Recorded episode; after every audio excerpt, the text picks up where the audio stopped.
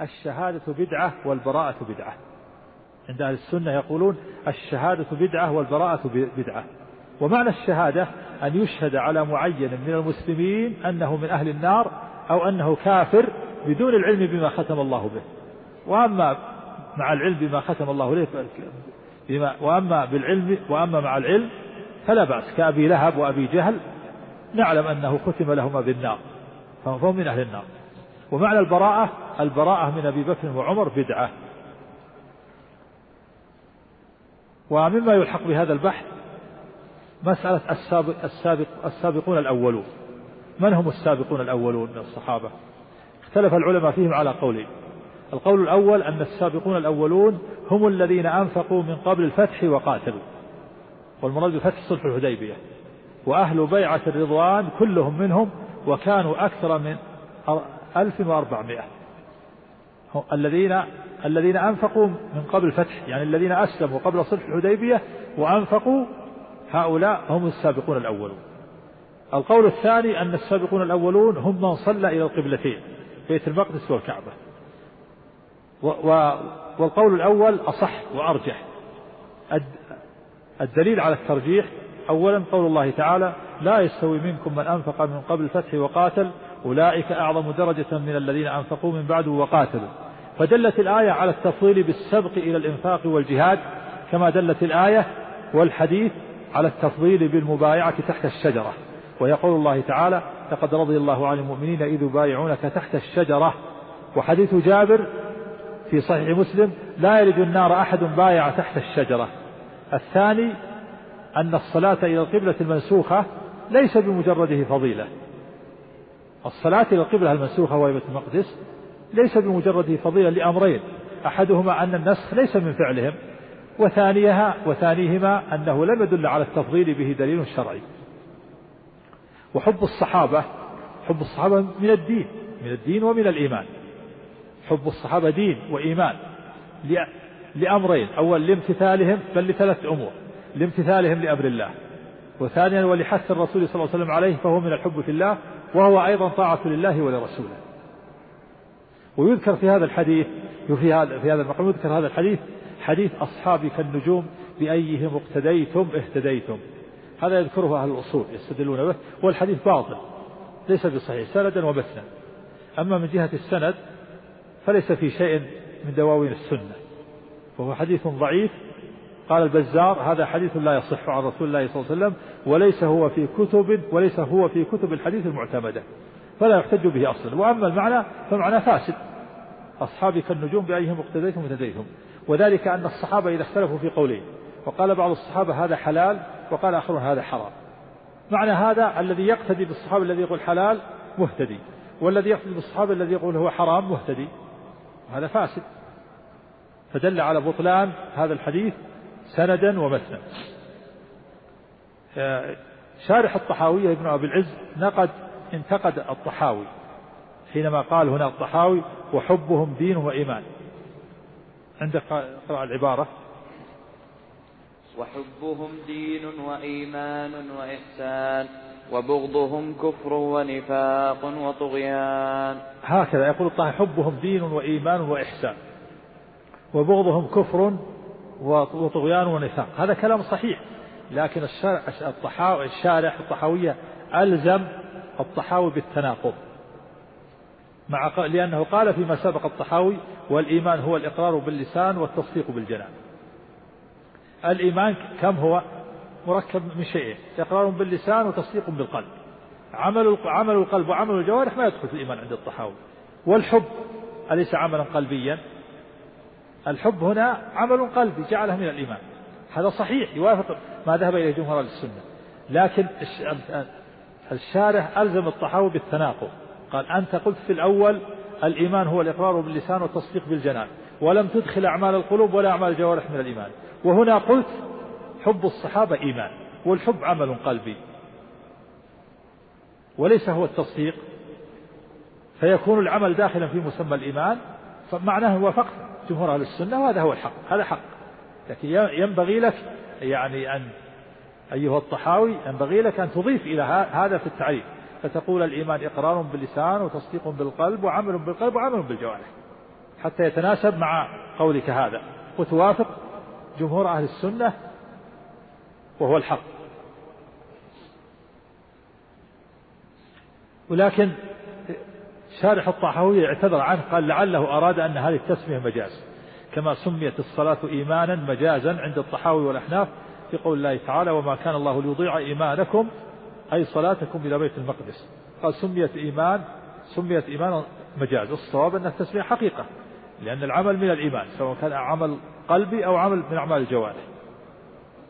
والأدلة من الكتاب والسنة لمذهب أهل السنة في الصحابة وفضلهم وترضي عنهم أدلة كثيرة منها قول الله تعالى لقد رضي الله عن المؤمنين إذ يبايعونك تحت الشجرة فعلم ما في قلوبهم. إلى آخر الآية. ومنها قول الله تعالى والسابقون الأولون من المهاجرين والأنصار والذين اتبعهم بإحسان رضي الله عنهم ورضوا عنه وأعد لهم جنات تجري تحتها الأنهار خالدين فيها أبدا. ذلك الفوز العظيم. ومنها قوله تعالى إن الذين آمنوا وهاجروا وجاهدوا بأموالهم وأنفسهم في سبيل الله والذين آووا ونصروا أولئك بعضهم أولياء بعض. ومنها قوله تعالى لا يستوي منكم من أنفق من قبل الفتح وقاتل أولئك أعظم درجة من الذين أنفقوا من بعده وقاتلوا. ومن السنة أحاديث كحديث لا تسبوا أصحابي فهو الذي نفسي بيده لو أنفق أحدكم مثل أحد ذهبا ما بلغ مد أحدهم ولا نصيفه. وحديث مسلم لا لا يدخل النار أحد بايع تحت الشجرة. وحديث الله الله في أصحابي لا تتخذهم غرضا. فمن أحبهم فهو بحبي أحبهم ومن أبغضهم فببغضي أبغضهم. ومن آذاهم فقد آذاني ومن آذاني فقد آذى الله ومن آذى الله يشك أن يأخذه. والحديث وإن كان فيه ضعف لكن له شواهد. ومن ذلك ما ثبت عن عائشة رضي الله عنها أنه قيل له إن ناسا يتناولون يعني بالسب أصحاب رسول حتى أبا بكر أبا بكر وعمر. قالت وما تعجبون. انقطع عملهم في الدنيا فأحب الله لا يقطع عنهم الأجر. وكذلك أيضا ما ثبت عن ابن عباس عن ابن عباس رضي الله عنه أنه قال لا لا تسبوا أصحاب محمد فلا مقام أحدهم مع رسول الله. ساعة خير من عمل أحدكم أربعين سنة. وفي رواية وكيع خير من عمر أحدكم عمرة. في رواية وكيع قول ابن مسعود رضي الله عنه إن الله سبحانه وتعالى اختار نبيه واصطفاه. وابتعثه بالرسالة. نظر في قلوب الناس فرأى قلب محمد صلى الله عليه وسلم. فاختصه فرآه أصل القلوب وأبرها فاختاره الله واصطفاه لنبوته. ثم نظر في القلوب بعد قلب محمد فرأى قلوب أصحابه أبرها و فاختارها فاختارهم لصحبة نبيه أو كما قال رضي الله عنه. والنصوص في هذا كثيرة والنصوص في فضل الصحابة وفضلهم ومكانتهم ومنزلتهم كثيرة من الكتاب ومن السنة. نعم. ونثبت الخلافة بعد رسول الله صلى الله عليه وعلى آله وسلم أولا لأبي بكر الصديق رضي الله عنه. تفضيلا له وتقديما على جميع الأمة. ثم لعمر بن الخطاب رضي الله عنه ثم لعثمان رضي الله عنه ثم لعلي بن أبي طالب رضي الله عنه وهم الخلفاء الراشدون والأئمة المهتدون. هذا المبحث في مبحث الخلافة والولاية. الخلافة والولاية. الخلافة هو والولاية هو أن يقام على الناس خليفة ووالي يلي أمورهم وينفذ فيهم حكم الشر. اختلف العلماء في وجوب الإمامة أو استنانها أو جوازها. يعني هل يجب على الأمة أن تقيم واليا يتولى أمرها أو يستحب أو هو جائز؟ في العلماء أقوال قيل يجب إقامة الخليفة والوالي. يجب على الناس أن ينصبوا خليفة وواليا فيهم يقيم فيهم أمر الله ويستتب به الأمن ينفذ الحدود ويحكم بالشرع وينصف المظلوم من الظالم. قالوا هذا لا لا يمكن إلا بالولاية لا يمكن إيصال الحقوق إلى أهلها. وإنصاف المظلوم من الظالم. واستتباب الأمن وأداء الحقوق. لا يمكن إلا بالخلافة والولاية. فيجب على الأمة أن تنصب خليفة ووليا عليها. هذا قول. القول الثاني أن نصب الخليفة والولاية مستحب وليس بواجب. القول الثالث أنه جائز. والجمهور على أنه واجب. والصواب أنه واجب. الصواب أنه واجب وأنه لا يمكن أن تكون الأمة هكذا ليس عليها والي. كما قال لا يصلح الناس فوضى لا سراة لهم ولا سراة إذا جهالهم ساد لا يمكن أن أن تبقى الأمة بدون ولاية. ولهذا قال العلماء ستون سنة بإمام ظالم خير من ليلة واحدة بلا إمام. ولو كان ظالم لكن ظلمه على نفسه. لكن قد علق الله تعالى بولاة الأمور كما قال الشيخ الإسلام مصالح عظيمة. قامت الحدود وإنصاف المظلوم من الظالم ورد الحقوق إلى أهلها والأخذ على يد المجرمين واستتباب الأمن يأمن الناس على دمائهم وأموالهم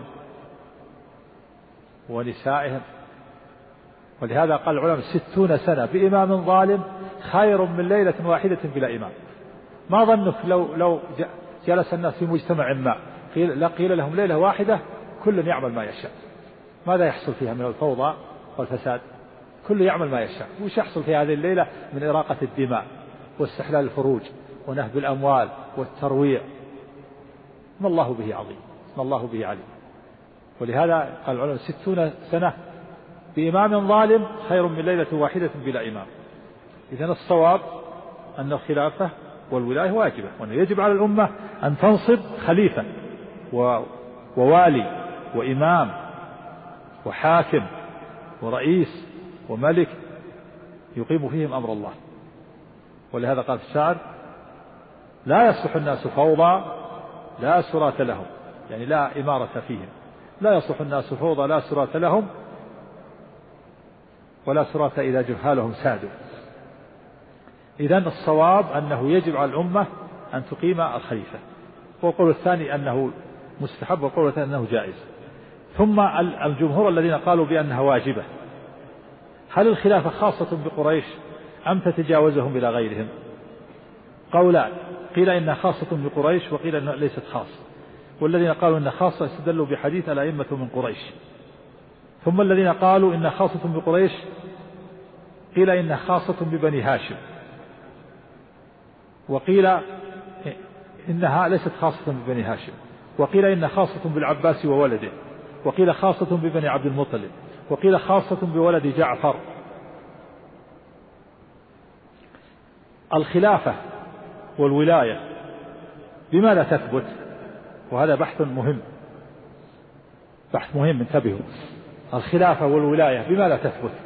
يعني متى تثبت الخلافة والإمامة على الناس؟ متى يكون خليفة على الناس؟ ومتى يكون واليا على الناس؟ ومتى يكون إماما يجب له السمع والطاعة؟ الخلافة تثبت بواحدة بواحد من ثلاث أمور. الخلافة تثبت بواحدة من ثلاث أمور. الأمر الأول الاختيار والانتخاب من أهل الحل والعقد الاختيار والانتخاب من من أهل الحل والعقد يعني أهل الحل والعقد يختارون الإمام. فتثبت له الإمامة باختيارهم وانتخابهم. وليس المراد كل أحد يختار مثل ما تسمعوا في الانتخابات ما هب ودب النساء والأطفال والعقلاء والمجانين كلهم كلهم يكون لهم انتخابات. لا هذا ما هو بشرع ذا الاختيار والانتخاب لأهل الحل والعقد. العقلاء ورؤساء القبائل والعشائر والعلماء والوجهاء. يكفي. إذا اختار واحد من القبيلة فالقبيلة كلها تبع. إذا الاختيار من أهل الحل والعقد ومثال ذلك ثبوت الخلافة لأبي بكر الصديق. ثبتت بالاختيار والانتخاب من أهل الحل والعقد كذلك أيضا ثبتت الخلافة لعثمان رضي الله عنه لما جعل عمر الأمر في الستة الشورى وصار عبد الرحمن بن عوف يشاور الناس المهاجرين والأنصار مقتصر عليهم وسهل ثلاث ليالي لم لم يذق غمضا حتى رأى أوجه الناس كلهم إلى عثمان. ثم بايعه وبايعه بقية الستة وبايعه المهاجر والأنصار. فثبتت له الخير الخلافة بالاختيار والانتخاب من الحل والعقد. كذلك عثمان علي رضي الله عنه ثبت له الخلافة بالاختيار والانتخاب من أكثر أهل الحل والعقد. بايعه أكثر أهل الحل والعقد سوى معاوية وأهل الشام. هذا واحد. إذا تثبت الولاية والخلافة بأي شيء؟ بالاختيار والانتخاب من الحل والعقد.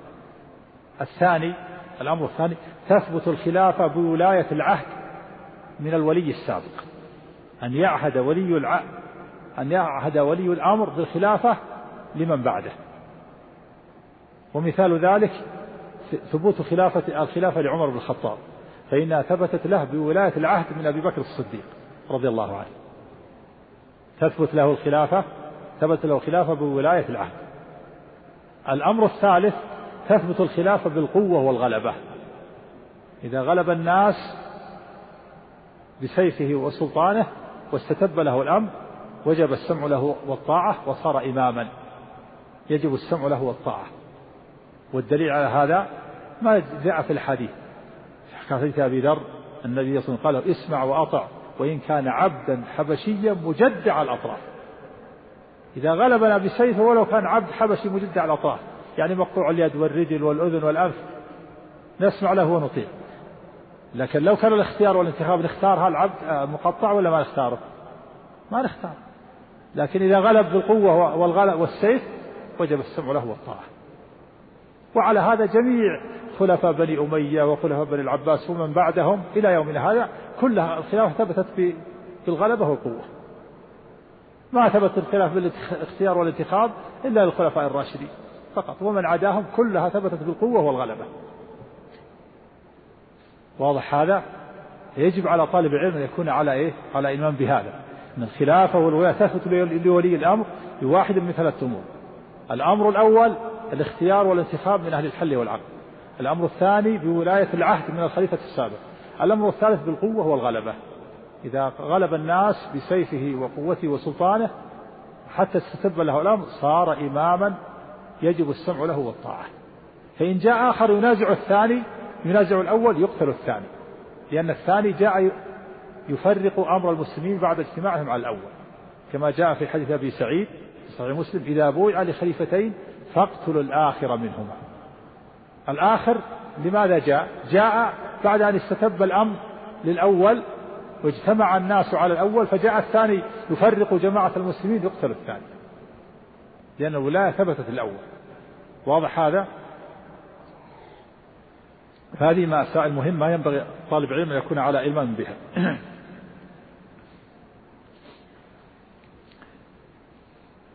ثبوت الخلافة. لأبي بكر الصديق رضي الله عنه. بماذا ثبتت؟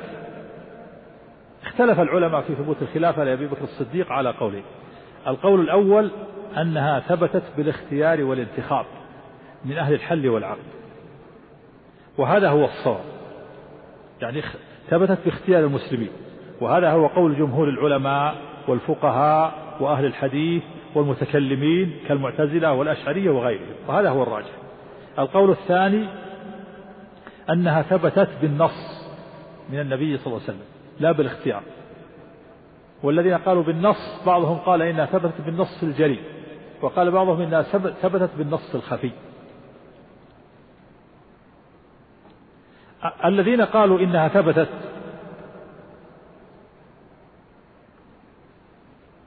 بالاختيار والانتخاب وهم الجمهور استدلوا بدليلين. الدليل الأول الحديث الخبر المأثور عن عبد الله بن عمر رضي الله عنهما عن عمر رضي الله عنه أنه لما طعن قيل له استخلف يا يا أمير المؤمنين. استخلف. فقال إن أستخلف فقد استخلف من هو خير مني يعني أبا بكر. وإلا أستخلف فلم يستخلف من هو خير مني يعني النبي صلى الله عليه وسلم. ووجه الدلالة أن عمر لم ينكر عليه الصحابة مقالته.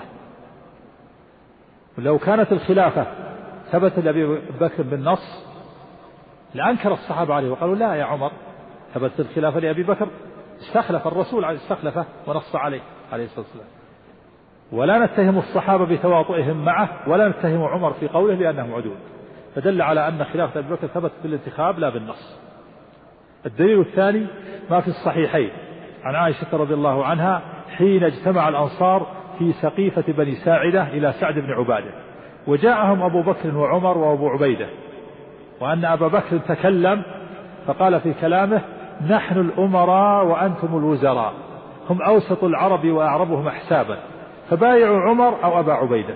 فقال عمر بل نبايعك بل نبايعك فأنت سيدنا وخيرنا وأحبنا إلى رسول الله صلى الله عليه وسلم فبايعوه وجه الاستدلال لو كان هناك نص عن النبي صلى الله عليه وسلم أن الخليفة بعدها أبو بكر لذكره أبو بكر في الوقت الحرج ولذكره عمر في الوقت الحرج ولم يعلل بالسيادة والوزارة والاستدلال بفضائله على صلاحيته للولاية. فدل على ما في نص. وفي نص قال الرسول نص على أن الخليفة أبو بكر لأن الصحابة أرادوا أن يجعلوا منهم الأنصار أرادوا أن يجعلوا منهم أمير. فقال بعض الصحابة منا أمير ومنكم أمير. من الأنصار أمير ومن قريش أمير. قال أبو بكر لا لا لا تصلح الولاية إلا لهذا الحي. لو كان في نص عن النبي صلى الله عليه وسلم لقال أبو بكر هذا النص عندنا. قال عمر هذا النص. والنص يسكت الجميع. يدل على ما في نص. أما الذين أما الذين قالوا إن خلافة أبي بكر ثبتت بالنص فاستدلوا بأدلة. وهذا قول طوائف من الحديث والمتكلمين ويروى عن الحسن البصري. استدلوا بأدلة بأنواع من الأدلة. النوع الأول قصة المرأة التي وعدها أن تأتي أبا بكر إن لم تجد جاءت امرأة إلى النبي صلى الله عليه وسلم ثم لما أرادت أن تنصرف قالت يا رسول الله إن لم أجدك. قال إن لم تجديني فأتي أبا بكر. قالوا هذا دليل على أن نص على أن أبا بكر هو الخليفة بعده. وأجيب عن هذا بأن النبي صلى الله عليه وسلم قد وكل أبا بكر في قضايا الحوائج. وقد يوكل في قضايا الحوائج من لا يصلح للخلافة النوع الثاني الأمر بالاقتداء به يقول النبي صلى الله عليه وسلم اقتدوا بالذين من بعد أبي بكر وعمر. قالوا هذا دليل على نص على أنه هو الخليفة وأجيب بأنه قد يصلح للقدوة من لا يصلح للخلافة. الثالث دخول النبي صلى الله عليه وسلم على عائشة وهمه بما هم به. دخل على عائشة وقال ادعي لي أباك وأخاك حتى أكتب كتابا. وفي لفظ حتى لا يطمع في هذا الأمر طامع. ثم لم يكتب وقال يأبى الله والمسلمون إلا أبا بكر. أجيب بأن الرسول صلى الله عليه وسلم وكل الخلافة إلى قضاء الله وترك الأمر للمسلمين. والمعنى يأبى الله قضاء وقدرا. والمسلمون اختيارا وانتخابا إلا أبا بكر. الرابع أحاديث تقديمه في الصلاة. النبي صلى الله عليه وسلم في مرض الموت قال مروا أبا بكر فليصلي بالناس. قالوا هذا نص على أنه هو الخليفة بعده. وأجيب لأنه قد يصلح لإمامة الصلاة من لا يصلح للإمامة العظمى؟ الخامس المنامات. يعني رؤى ومنامات فيها أن النبي أن النبي أن النبي أن النبي صلى الله عليه وسلم رأى كأنه كأن كأنه نزع دلوا كأن بكر نزع نزع دلوا فشرب النبي صلى الله عليه وسلم نزع دلوا ثم نزع بعده أبو بكر وشرب وفي شربه ضعف ثم نزع عمر فاستحالت غربا. وفي رؤيا أنه نزل ميزان من السماء فوزن النبي صلى الله عليه وسلم بأبي بكر فرجح النبي صلى الله عليه وسلم ثم وزن أبو بكر بعمر فرجح عمر ثم رجح أبو بكر بعمر ف فرجح عمر ثم رفع الميزان. وقصص أخرى من المنامات. قالوا هذا دليل نص على أن على أن أبا بكر هو خليفة بعده. ويجيب بأن هذه المنامات لو كانت نصا في خلافة أبي بكر لكانت نصا في خلافة عمر وعثمان. لكنه لم يذهب أحد إلى أن المنام نص في خلافة عمر وعثمان فدل على أنها كشف للمستقبل ومبشرات. ومن أدلتهم قالوا اختصاص أبي بكر بالخلة لو كان هناك موضع لها. لقوله صلى الله عليه وسلم لو كنت متخذا من أمتي خليلا لاتخذت أبا بكر خليلا. ولكن صاحبكم خليل الرحمن. قالوا هذا نص بأنه الخليفة بعده. وأجيب بأن الخلة شيء وسياسة الأمور شيء آخر. شيخ الإسلام ابن تيمية رحمه الله يقول والتحقيق في خلافة أبي بكر وهو الذي يدل عليه كلام أحمد أنها انعقدت باختيار الصحابة ومبايعتهم. هذا كلام من؟ شيخ الإسلام ابن تيمية رحمه الله. يقول التحقيق في خلافة أبي بكر وهو الذي يدل عليه كلام أحمد الإمام أحمد أنها انعقدت باختيار الصحابة ومبايعتهم وأن النبي صلى الله عليه وسلم أخبر بوقوعها على سبيل الحمد لها والرضا بها وأنه أمر بطاعته وتفويض الأمر إليه وأنه دل الأمة وأرشدهم إلى بيعته. فهذه الأوجه الثلاثة الخبر والأمر والإرشاد ثابت من النبي صلى الله عليه وسلم. فالأول كالمنامات والثاني كحديث اقتدوا بالذين من بعد أبي بكر وعمر والثالث تقديمه له في الصلاة. وبهذا يتبين أن الصواب في المسألة أن خلافة أبي بكر الصديق ثبتت باختيار الصحابة ومبايعتهم. وأما قول الإمامية فيها أقوال باطلة. من, من, من الأقوال قول الإمامية الرافضة أن الخلافة ثبتت بالنص الجلي على علي. وكذلك قول الزيدية الجارودية ثبتت بالنص الخفي عليه. وقول الراوندية إنها ثبتت بالنص على العباس. فهذه أقوال ظاهرة الفساد عند أهل العلم والدين. يقول شيخ الإسلام هذه الأقوال أقوال ظاهرة الفساد عند أهل العلم والدين وإنما يدين بها إما جاهل وإما ظالم وكثير ممن يدين بها زنديق. هذا كلام شيخ الإسلام رحمه الله. يعني اللي يقول إن الخلافة ثبتت لعلي أو للعباس أو لكذا هذه أقوال زنادقة لا لا يعول عليها. أما خلافة عمر بن الخطاب رضي الله عنه فإنها ثبتت الخلافة بالعهد من أبي بكر. أبو بكر عهد عهد بالخلافة إلى إلى عمر فبايعه الناس وثبتت له البيعة. وذلك بتفويض أبي بكر الخلافة إليه واتفاق الأمة بعده عليه. وفضائل عمر كثيرة والأدلة في هذا كثيرة. ثبوت الخلافة لعثمان بن عفان رضي الله عنه. ثبتت الخلافة لعثمان رضي الله عنه بمبايعة عبد الرحمن بن عوف له بمبايعة عبد الرحمن بن عوف له والناس معه والمهاجرون والأنصار وأمراء الأجناد والمسلمون. وذلك بعد أن عهد عمر إلى الستة أهل الشورى. ومعروف آه، قصة قتل عمر وقصة دفنه وقصة البيعة وأمر الشورى. هذا سردها الإمام البخاري في صحيحه. حديث طويل حديث طويل في ذكر فيه قصة قتل عمر وقصة دفنه وقصة البيعة وأمر الشورى. ثبوت الخلافة لعلي بن أبي طالب رضي الله عنه. ثبتت الخلافة لعلي بن أبي طالب بمبايعة الصحابة سوى معاوية مع, مع أهل الشام. فهي ثبتت له بمبايعة أكثر الناس ممن تنعقد بهم البيعة. إذا آه، علي ما ما اجتمع الناس عليه. ثبت له الخلافة بمبايعة أكثر أهل الحل والعقد. وأما معاوية وأهل الشام فامتنعوا لا لأنهم يطلبون الخلافة لا لأن معاوية يطلب الخلافة بل ليطالب بقتلة عثمان. يطالب بدم عثمان. ويقول الخلاف بينه وبين علي يقول اقتص من قتلة عثمان وأنا أبايع. أنا أتوقف حتى إيش؟ حتى ينتصر للشهيد المظلوم وهو عثمان رضي الله عنه. ويقول إنه أقرب الناس إليه. وعلي رضي الله عنه لا يمانع ولكنه لا يستطيع في ذلك الوقت بسبب الفتنة وهؤلاء الذين قتلوا عثمان دسوا في العسكر ولا يعرفون وهناك لهم قبائل تنتصر لهم والمسألة فيها فوضى واضطراب ولا يستطيع. فمعاوية علي رضي الله عنه يقول بعدما تهدأ الأحوال نستطيع نأخذ قتلة عثمان. ومعاوية قال لا أنا أريد الآن. فحصل الخلاف. فامتنع معاوية وأهل الشام. ثم بعد ذلك الخلاف زاد حتى حصلت الحروب المعروفة بين الصحابة عن اجتهاد. كل له مجتهد كل مجتهد ومن أصاب فله أجران ومن أخطأ فله أجر. إذا ثبتت الخلافة بمبا... لعلي رضي الله عنه بمبايعة أكثر الصحابة وامتنع من. من مبايعته معاوية وأهل الشام فهي ثبتت بمبايعة أكثر الناس ممن تنعقد بهم البيعة. هذا هو مذهب أهل السنة والجماعة. وقال الرافضة ثبتت الخلافة لعلي بالنص الجلي أو بالنص الخفي. سبب الخلاف والقتال بين علي ومعاوية هو كما سمعتم الاجتهاد. معاوية وأهل الشام يطالبون بدم عثمان ومعاوية يقول أنا أقرب الناس إليه. وعلي رضي الله عنه يرى أنه ثبت له البيعة وأنه يجب عليه أن يخضع معاوية وأهل الشام حتى يبايعوا. فحصل النزاع ثم حصل القتال عن اجتهاد. كل منهم متأول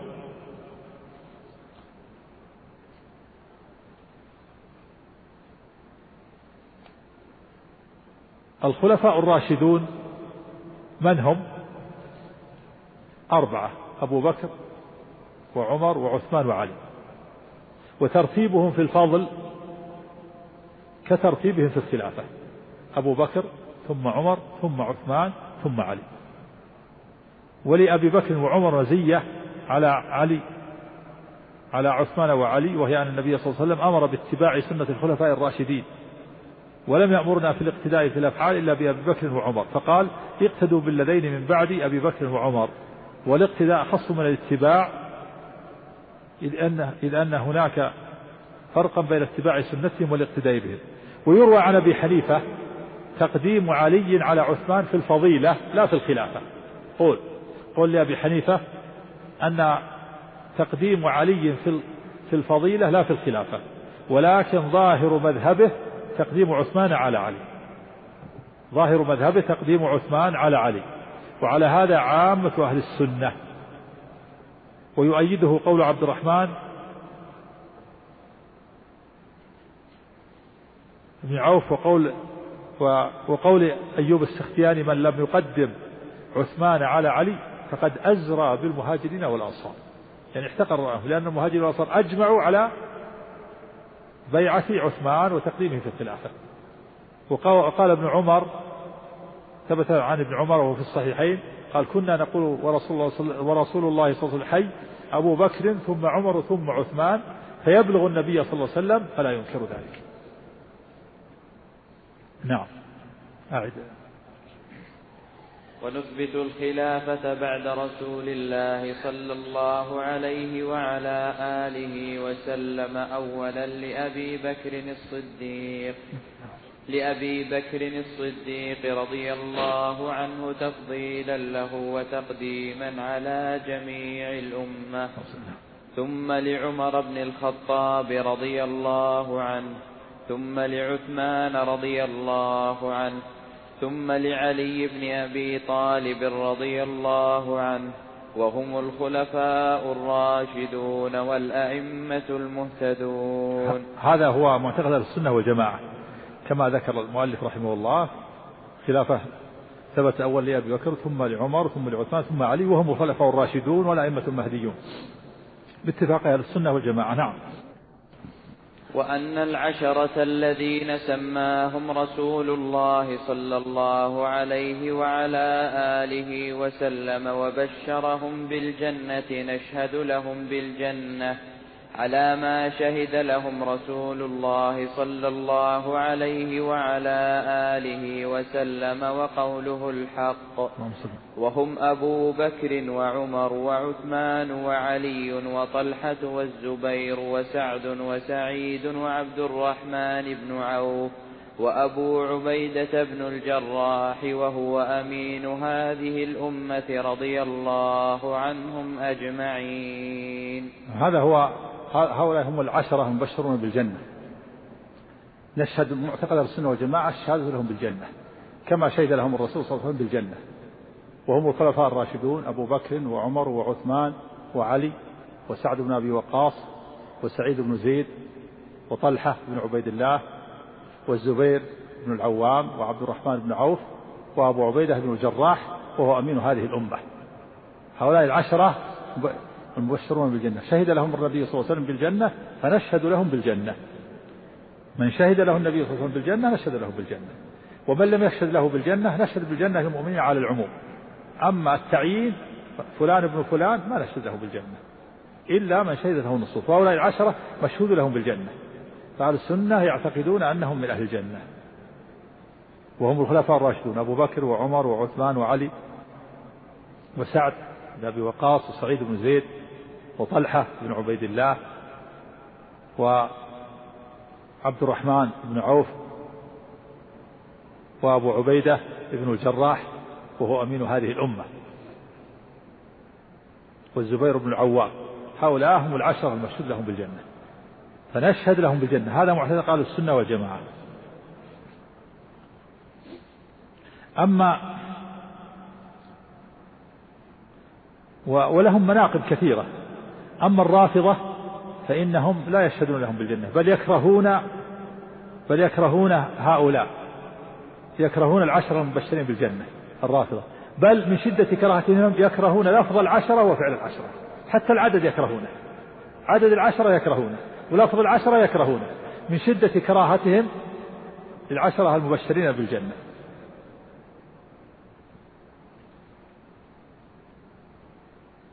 والعشرة والرافضة يستبدلونها بالعشرة اثني عشر إماما. اتفق أهل السنة على تعظيم هؤلاء العشرة المبشرين بالجنة وتقديمهم لما اشتهر من فضائلهم ومناقبهم. والرافضة تكره تبغض هؤلاء العشرة وتكره لفظ العشرة وتكره فعل شيء يكون عشرة. وسببه كونهم يبغضون خيار الصحابة كونهم يبغضون خيار الصحابة وهم العشرة المشهود لهم بالجنة. وإن كانوا يستثنون عليا رضي الله عنهم من العشرة. وهذا من جهل الرافضة. والرد عليهم من ثلاث أوجه. الرد عليهم في في كراهة العشرة. الأول تناقضهم في بغض التسعة من العشرة وموالاتهم للتسعة وللأصل التسعة. الرافضة متناقضون. وش ما وجه التناقض؟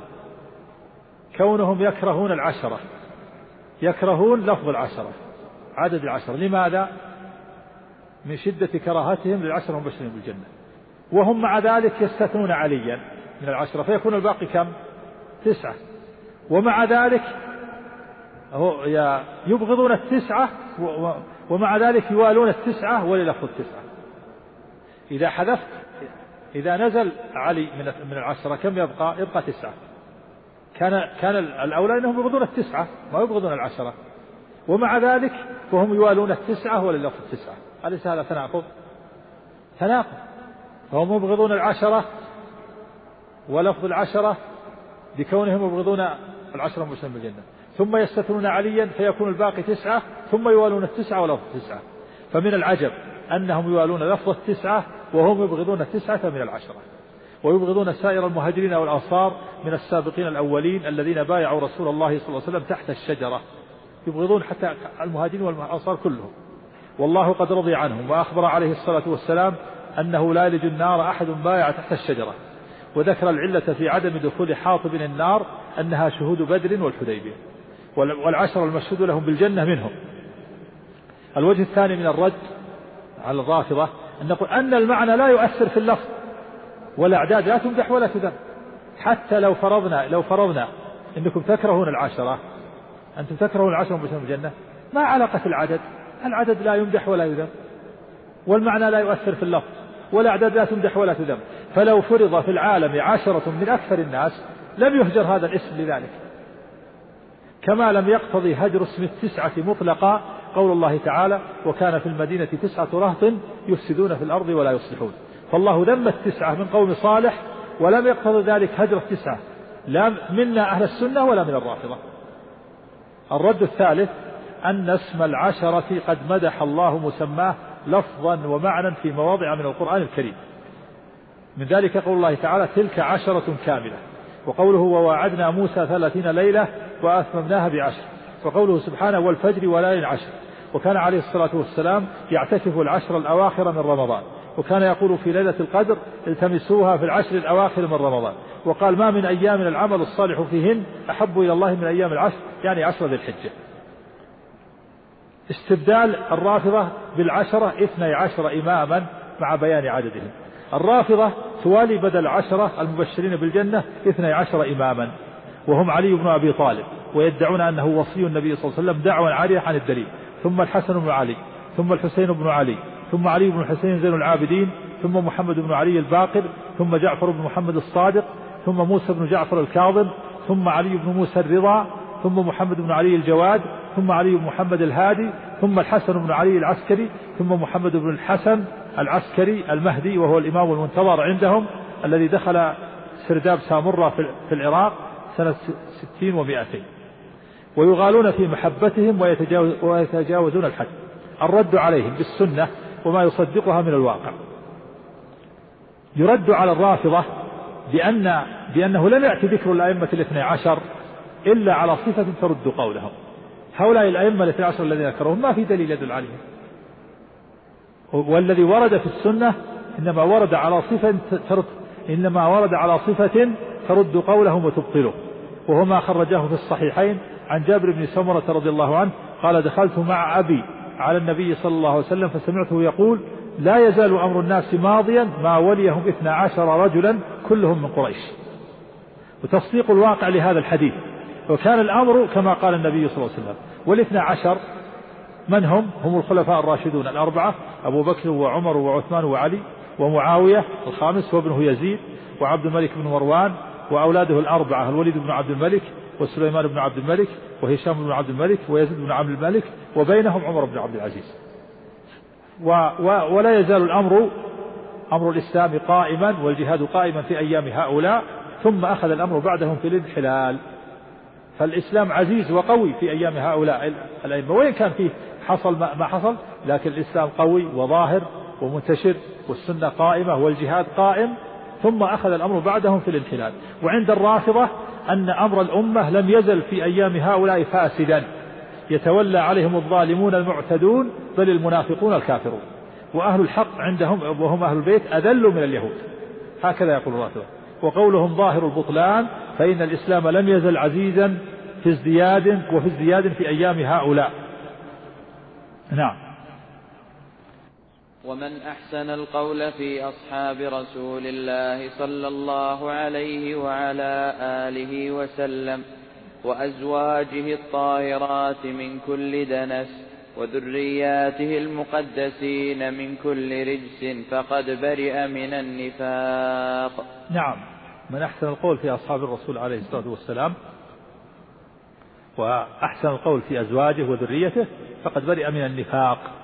ومن طعن في الصحابة وطعن في أمهات المؤمنين وفي ذرية النبي صلى الله عليه وسلم فهذا لمرض في قلبه ونفاق في قلبه. نسأل الله السلامة والعافية. فأهل الحق يحسنون القول في الصحابة وأمهات المؤمنين وعلماء السلف والتابعين وأهل الخير وأهل الفقه. وهذا فيه براءة من النفاق. والرافضة أول من أحدث الرفض. الرفض هو تولي أهل البيت ورفض بقية الصحابة.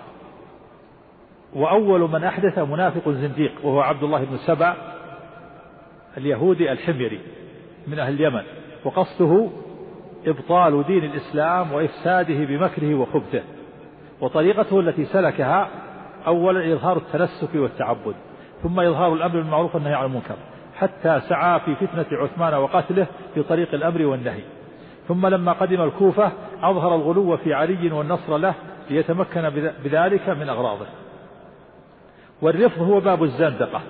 وسبب ذلك أن أول من أحدثه منافق زنديق يظهر الخير ويظهر الشر وهو عبد الله بن سبأ. كما حكاه أبو بكر الباقلاني عن الباطنية. كيفية إفساد الباطنية لدين الإسلام ومقالتهم للداعي. هو أنهم يظهرون غير ما يبطنون. الباطنية يظهرون غير ما يبطنون ويقولون للداعي يجب عليك إذا وجدت من تدعوه مسلما أن تجعل التشيع عنده دينك وشعارك واجعل المدخل من جهة ظلم السلف لعلي وقتلهم الحسين والتبري من تيم وهم قبيلة أبي بكر وعدي وهو قبيلة عمر وبني أمية قبيلة عثمان وبني العباس وأن عليا يعلم الغيب ويفوض إليه خلق العالم. فإن وجدت منه عند الدعوة إجابة ورشدا أوقفته على مثالب علي وولده رضي الله عنهم هذه طريقتهم. أولا يدعون إلى علي وأنه يعلم الغيب فإذا استجاب لهم أطلعوه على عيوب علي وأهل البيت. حتى يتبرأ من هؤلاء ومن هؤلاء. الرد عليهم ببيان كيفية إبطالهم لدين الإسلام. وهذا من أعاجيب الشيعة. فإنهم فإنه ينصرف من سب الصحابة إلى سب أهل البيت وأهل بيته من أصحابه ثم آل رسول الله صلى الله عليه وسلم. والواجب على المسلم موالاة المؤمنين جميعا. ولا والصحابة في الدرجة الأولى. الصحابة وأزواج النبي صلى الله عليه وسلم. قال الله تعالى ومن يشاقق الرسول من بعد ما تبين له الهدى ويتبع غير سبيل المؤمنين نوله ما تولى ونصله جهنم وساءت مصيرا. وجه الدلالة أن الله قارن المؤمنين بالله ورسوله في الوعيد على من شاقهم فدل على وجوب موالاتهم. الأعذار في أقوال العلماء المخالفة للأحاديث الصحيحة. إذا وجد لبعض العلماء قول يخالف حديثا صحيحا فلا بد له من عذر. وجماع الأعذار في مخالفتهم له أولا عدم اعتقاده حديثا وأن النبي صلى الله عليه وسلم قاله. يعني ما اعتقد أنه حديث. ثاني عدم اعتقاده أنه أراد تلك المسألة بذلك القول. ففهم أنه في غير محل النزاع. الثالث اعتقاده أن ذلك الحكم منسوخ. الرابع عدم بلوغه الحديث واطلاعه عليه. هذه أعذار للعلماء إذا خالفوا الحديث. إما أنه ما اعتقده حديثا أو أنه ما اعتقد أنه أراد تلك ما أنه ما أراد تلك المسألة بذلك القول أو اعتقد أن الحكم منسوخ أو ما بلغه الحديث. وقد ألف شيخ الإسلام رحمه الله رسالة في هذا في أعذار العلماء. الأعلام أو في رفع الأئمة الملام في رفع الأئمة الأعلام أو قريب من هذا اسم الرسالة. فضلهم ومنتهم علينا للسلف الفضل والمنة علينا بأمور بالسبق وتبليغهم ما أرسل به الرسول إلينا وإيضاح ما كان يخفى علينا وشرحه وتبيينه. نعم.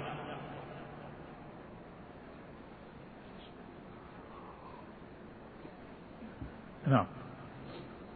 وعلماء السلف من السابقين ومن بعدهم من التابعين أهل الخير والأثر وأهل الفقه والنظر. أهل, أهل الخير؟ والأثر. نعم. أهل الخير والأثر وأهل الفقه والنظر لا يذكرون إلا بالجميل. نعم كما سبق. وأن من ذكرهم بسوء فقد توعده الله بقوله ومن يشاقق الرسول من بعد ما تبين الهدى. العلماء والسلف يذكرون بالخير والجميل. نعم. ومن ذكرهم بسوء فهو على غير السبيل. كما في الآية متوعد.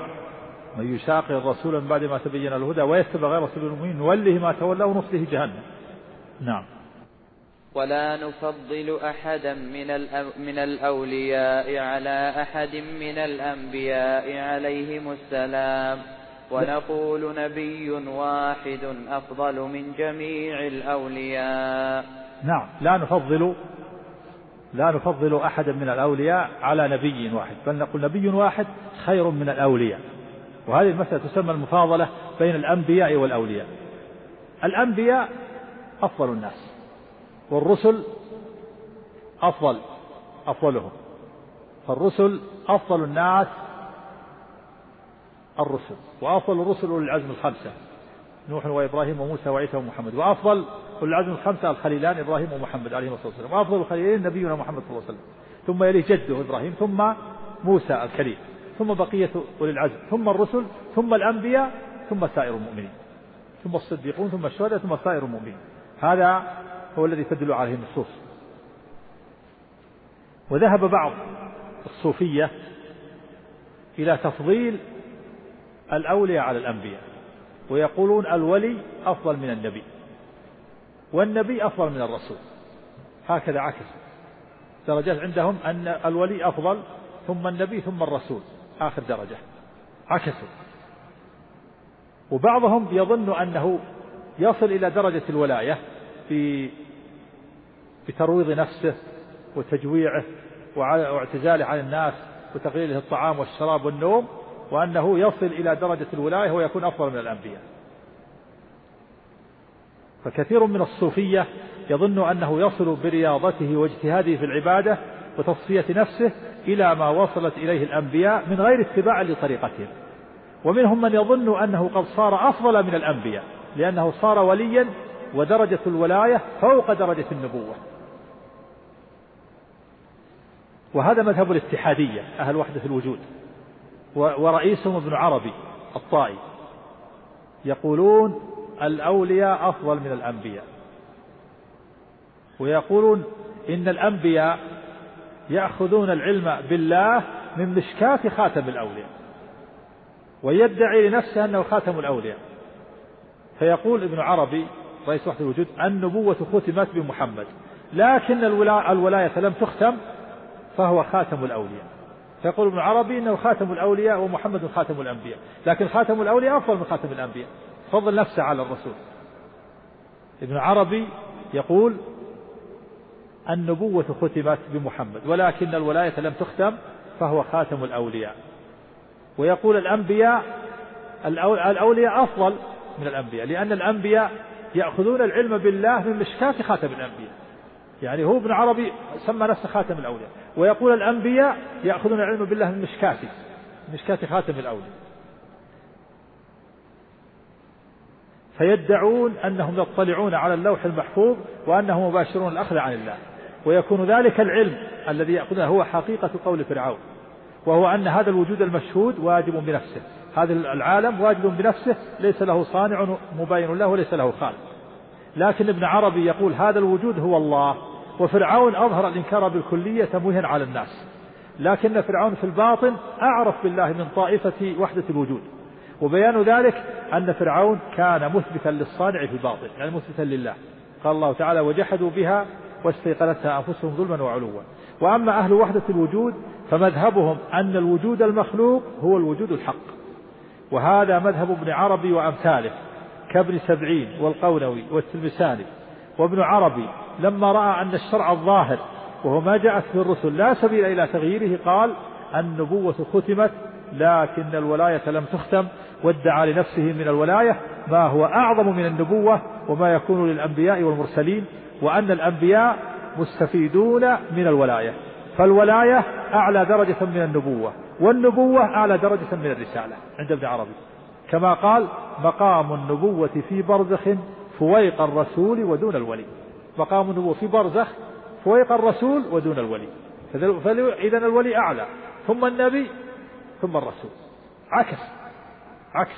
مقام النبوة في برزخ فويق الرسول ودون الولي. وابن عربي هذا رئيس له مؤلفات. له مؤلفات وله كتب منها كتاب سماه فصوص الحكم ومنها كتاب سماه الفتوحات المكية ومنها كتاب سماه كتاب الهو. الهو. الهو هذا يقول الذكر ما فيه إلا هو. هو هو. ما تقول الله ولا الذكر تأخذ الهاء من هو. هو هو. هو هو. وهو هذا ذكر الملاحدة الصوفية وهو كالكلام. يقول ذكر العامة لا إله إلا الله. هذا يسمون العامة. والرسل عامة عندهم. ثم الخاصة تأخذ لفظ الجلالة لا إله إلا الله. الله الله الله الله الله خاصة الخاصة ما يحتاج تأخذ لفظ الجلالة تأخذ الهاء من لفظ الجلالة. هو هو هو هو هو. هذا ذكره. وهو نسأل الله السلامة والعافية. ولهذا سمى ابن عربي سمى ألف كتاب سماه كتاب الهو. كتاب الهو. ويقول إن إن عندي دليل من القرآن. وهو قول, قول الله تعالى وما يعلم تأويله هو إلا الله. قال شيخ الإسلام ابن تيمية قلت لهم لو كان كما تقول أيها الملاحدة لكان لكانت الهاء مفصولة عن الآية. وما يعلم تأويله هو لكن الهاء متصلة. تأويله. وهم لا يؤمنون بالقرآن لكن يريد إثبات قوله. يقول ابن عربي في كتاب فصوص الحكم لما مثل النبي صلى الله عليه وسلم النبوة بالحائط من اللبن فرآها قد كملت إلا موضع لبنة فكان هو صلى الله عليه وسلم تلك اللبنة. يعني يشير إلى الحديث الحديث الذي سبق إن مثلي ومثل الأنبياء من قبلي كمثل رجل بنى بيتا فأحسنه وأجمله إلا موضع لبنة من زاوية فأنا اللبنة فكان الناس يطوفون به ويعجبون ويقولون لولا تلك اللبنة فأنا تلك اللبنة وأنا خاتم النبيين ابن عربي يعارض الحديث يقول إيش؟ في كتابه ولما ولما مثل النبي صلى الله عليه وسلم النبوة بالحائط من اللبن فرآها قد كملت إلا موضع لبنة فكان هو صلى الله عليه وسلم تلك اللبنة. وأما خاتم الأولياء يعني نفسه فلا بد له من هذه الرؤية. فيرى ما مثله النبي صلى الله, صلى الله عليه وسلم ويرى الحائط في موضع لبنتين واحدة واحدة فضة وواحدة ذهب. لأن لأن الحائط مكون من لبنتين لبنة ذهب ولبنة فضة. فلبنة الذهب هذه تعني خاتم الأولياء ولبنة الفضة تعني خاتم الأنبياء. فجعل الرسول صلى الله عليه وسلم لبنة الفضة لأنه خاتم الأنبياء وجعل نفسه لبنة الذهب لأنه خاتم الأولياء. فيرى ما مثله النبي صلى الله عليه وسلم ويرى الحائط موضع لبنتين واحدة من فضة وواحدة من ذهب. ويرى نفسه تنطبع في موضع اللبنتين فتكمل الحائط. والسبب الموجب لكونه يراها لبنتين أن الحائط لبنة من فضة ولبنة من ذهب. واللبنة الفضة هي ظاهر البيت أو الحائط. وما يتبعه ابن عربي فيه من الأحكام. فهي تمثل الرسول صلى الله عليه وسلم الذي جاء بالأحكام الظاهرة. كما أن ابن عربي أخذ عن الله في السر ما هو في الصورة الظاهرة متبع للرسول. يعني يقول إن ابن عربي يرى أن الحائط مكون من لبنتين لبنة ذهب ولبنة فضة فلبنة الفضة هذه هذه ظاهر الجدار ولبنة الذهب هذه باطن الجدار. والسبب يقول لكونه يراها أن الحائط أن لبنة الفضة هذه تمثل محمد وما جاء به من الأحكام الظاهرة. ولبنة الذهب تمثل ابن عربي وما جاء به من الأحكام الباطنة فيقول ابن عربي خاتم الأولياء تابع لخاتم الأنبياء في الأحكام في الظاهر. وخاتم الأولياء الأنبياء تابع لخاتم الأنبياء في الباطن هكذا يقول. فهي تمثل الرسول الذي جاء بالأحكام الظاهرة. كما أن ابن عربي أخذ عن الله في السر ما هو في الصورة الظاهرة متبع فيه للرسول. ابن عربي أخذ في الله عن الله في السر لكن في الظاهر هو متبع للرسول. وفي السر أخذ عن الله مباشرة ولا يحتاج إلى أحد. لأنه يرى الأمر على ما هو عليه فلا بد أن يراه هكذا وهو ابن عربي وهو أي ابن عربي خاتم الأولياء موضع اللبنة الذهبية في الباطن. فإنه يأخذ من المعدن الذي يأخذ منه الملك الذي يوحي به إلى الرسول يقول خاتم ما يحتاج إلى جبريل ولا غيره يأخذ من اللوح المحفوظ وعن الله مباشرة. فلا يحتاج إلى الوحي. أما خاتم الأنبياء هذا لا يحتاج واسطة. يحتاج واسطة وهو الملك. قال في كتابه فإن فهمت ما أشرنا إليه فقد حصل لك العلم النافع. مسألة. أصل ابن عربي أصل ابن عربي هو أن الوجود واحد وأن الوجود الواجب هو عين الوجود الممكن. فوجود كل شيء عين وجود الحق عنده. وجود كل شيء من هذه المخلوقات هو وجود الله عنده. أيهما أشد كفرا؟ الاتحادية أو الحلولية الحلولية وهم الذين يزعمون أن الله بذاته في كل مكان وهو قول كثير من الجهمية قولهم أقل كفرا من قول الاتحادية أخف. وجه ذلك لأن من قال إن الله يحل في المخلوقات فقد قال بأن المحل غير الحال. وهذه تثنية عند الاتحادية وإثبات لوجودين. أحدهما وجود الحق الحال والثاني وجود المخلوق المحل والاتحادية لا يقرون بإثبات وجودين البتة ولهذا من سماهم حلولية أو قال هم قائلون بالحلول رآه محجوبا عن معرفة قولهم خارجا عن الدخول إلى باطن أمرهم. ومن الأقوال المتفرعة عن مذهب ابن عربي هذا الشعر يقول الرب حق والعبد حق. يا ليت شعري من المكلف. إن قلت عبد فذاك ميت أو قلت رب أنى يكلف. وفي بعض الروايات فذاك نفي لأن العبد ليس له عندهم وجود مخلوق وكلاهما باطل فإن العبد موجود وثابت ليس بمعدوم ومنتف ولكن الله هو الذي جعله موجودا ثابتا. ومن كلام ابن عربي يقول من أسماء الله الحسنى العلي ثم يعلق يقول العلي على من؟ وما ثم إلا هو وعن ماذا؟ وما هو إلا هو علي على من؟ ما فيه ما فيه إلا هو. من أسماء الحسنى العلي علي؟ على من؟ ما في غيره. على من؟ وما ثم إلا هو. وعن ماذا؟ وما هو إلا هو. ومن كلماته يقول رب مالك وعبد هالك وأنتم ذلك. والعبد فقط والكثرة وهم. ويقول سر حيث شئت فإن الله تم وقل ما شئت فيه فالواسع الله.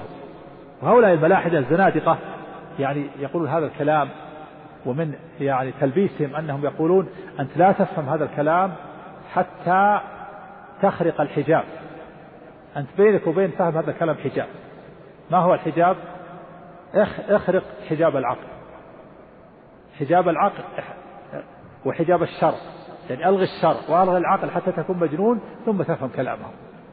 يعني حجاب الشرع وحجاب العقل وحجاب الحس أيضا كل هذا تلغيها حتى تفهم هذا الكلام.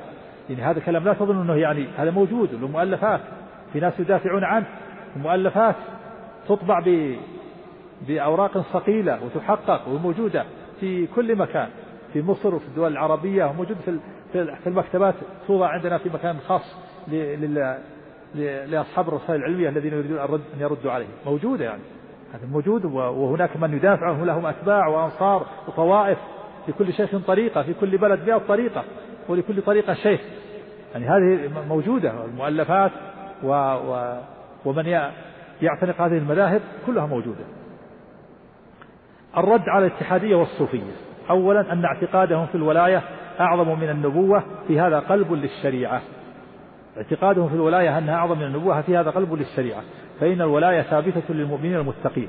كما قال تعالى ألا إن أولياء الله لا خوف عليهم ولا هم يحزنون الذين آمنوا وكانوا يتقون.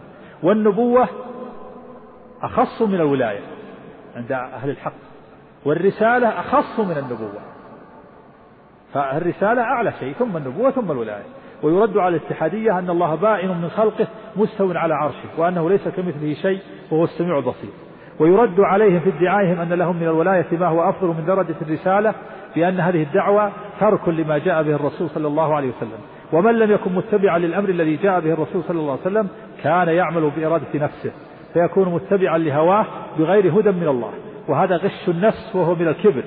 فإنه شبيه بقول الذين قالوا لن نؤمن حتى نؤتى مثل ما أوتي رسل الله. حتى نؤتى مثل ما أوتي رسل الله. فقال الله ردا على مقالتهم وقطعا لأطماعهم في أن ينالوا مثل ما نال الرسل. الله أعلم حيث يجعل رسالته.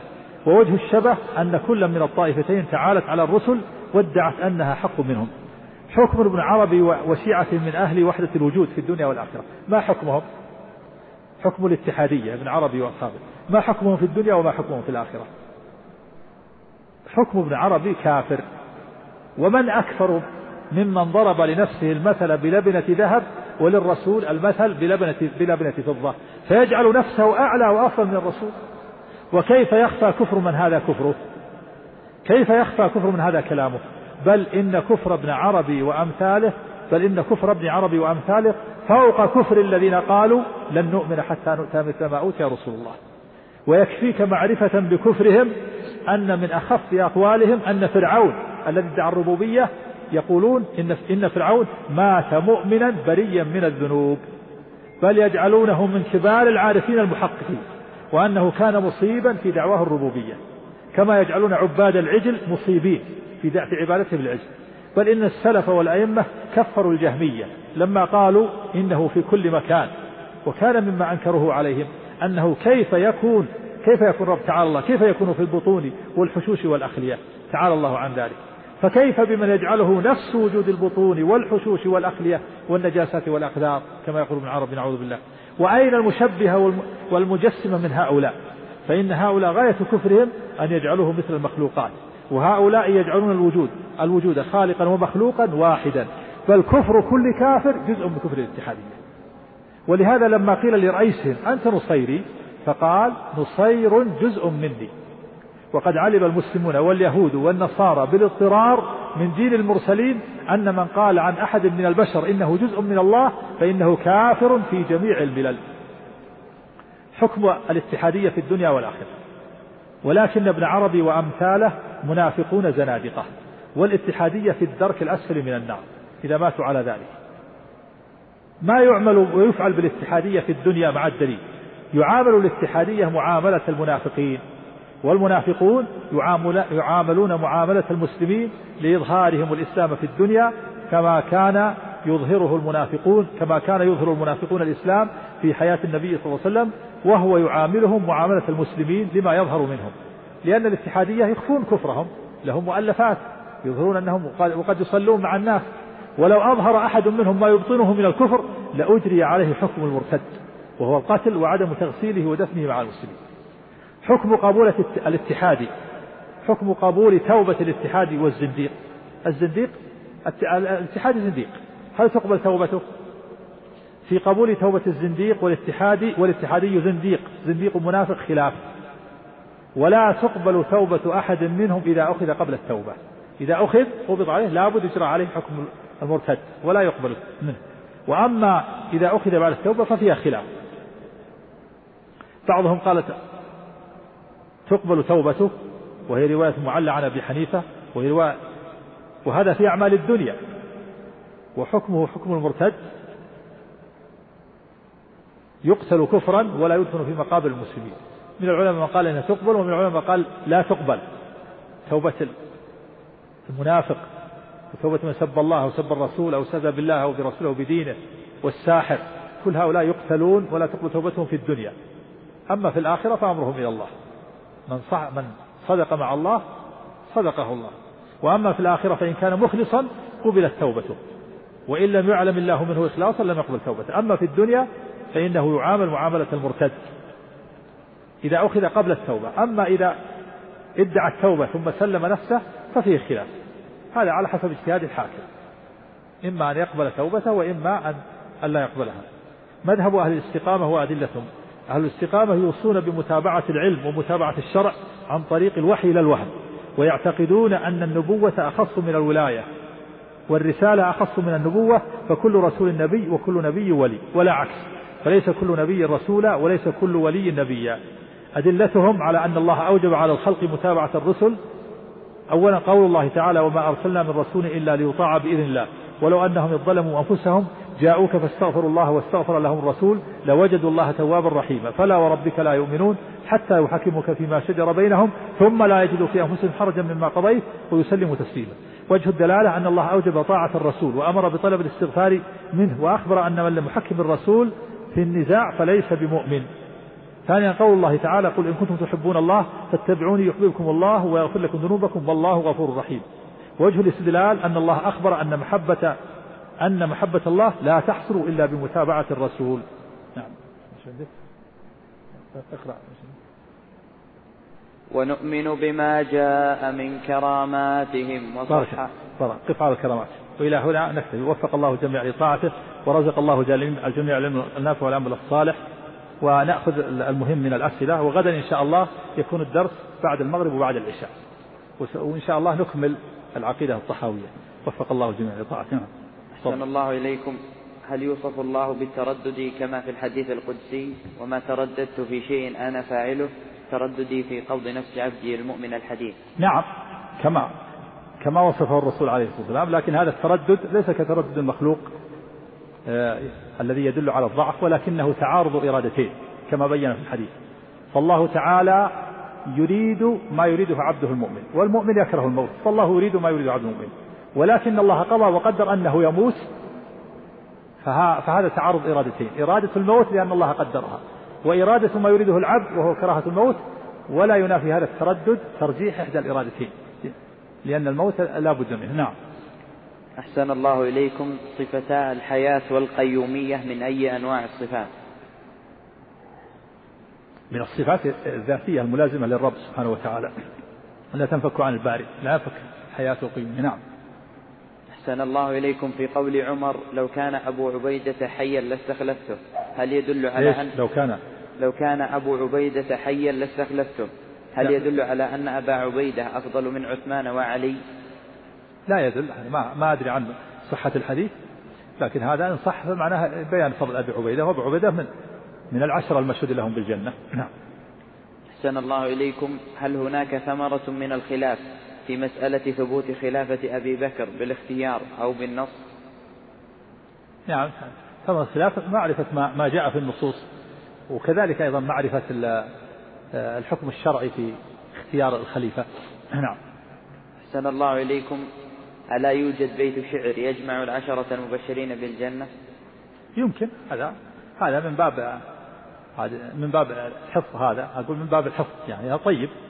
إذا ضبطت في بيت هذا يكون من من أسباب الحفظ. نعم.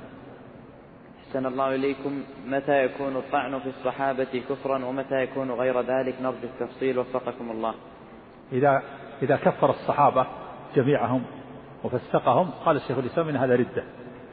أما إذا سبهم لأجل الغيظ والغضب لا لأجل الدين فهذا يكون فسقا. أما إذا كفرهم وفسقهم كفر الصحابة كلهم ولا سيما كفر الرجل وفسقهم قال شيخ الإسلام هذا ردة لأنه مكذب لله ولرسوله. لأن الله زكاهم وعدلهم في كتابه وهذا كفرهم فيكون مكذبا لله فيكون كافرا. نعم.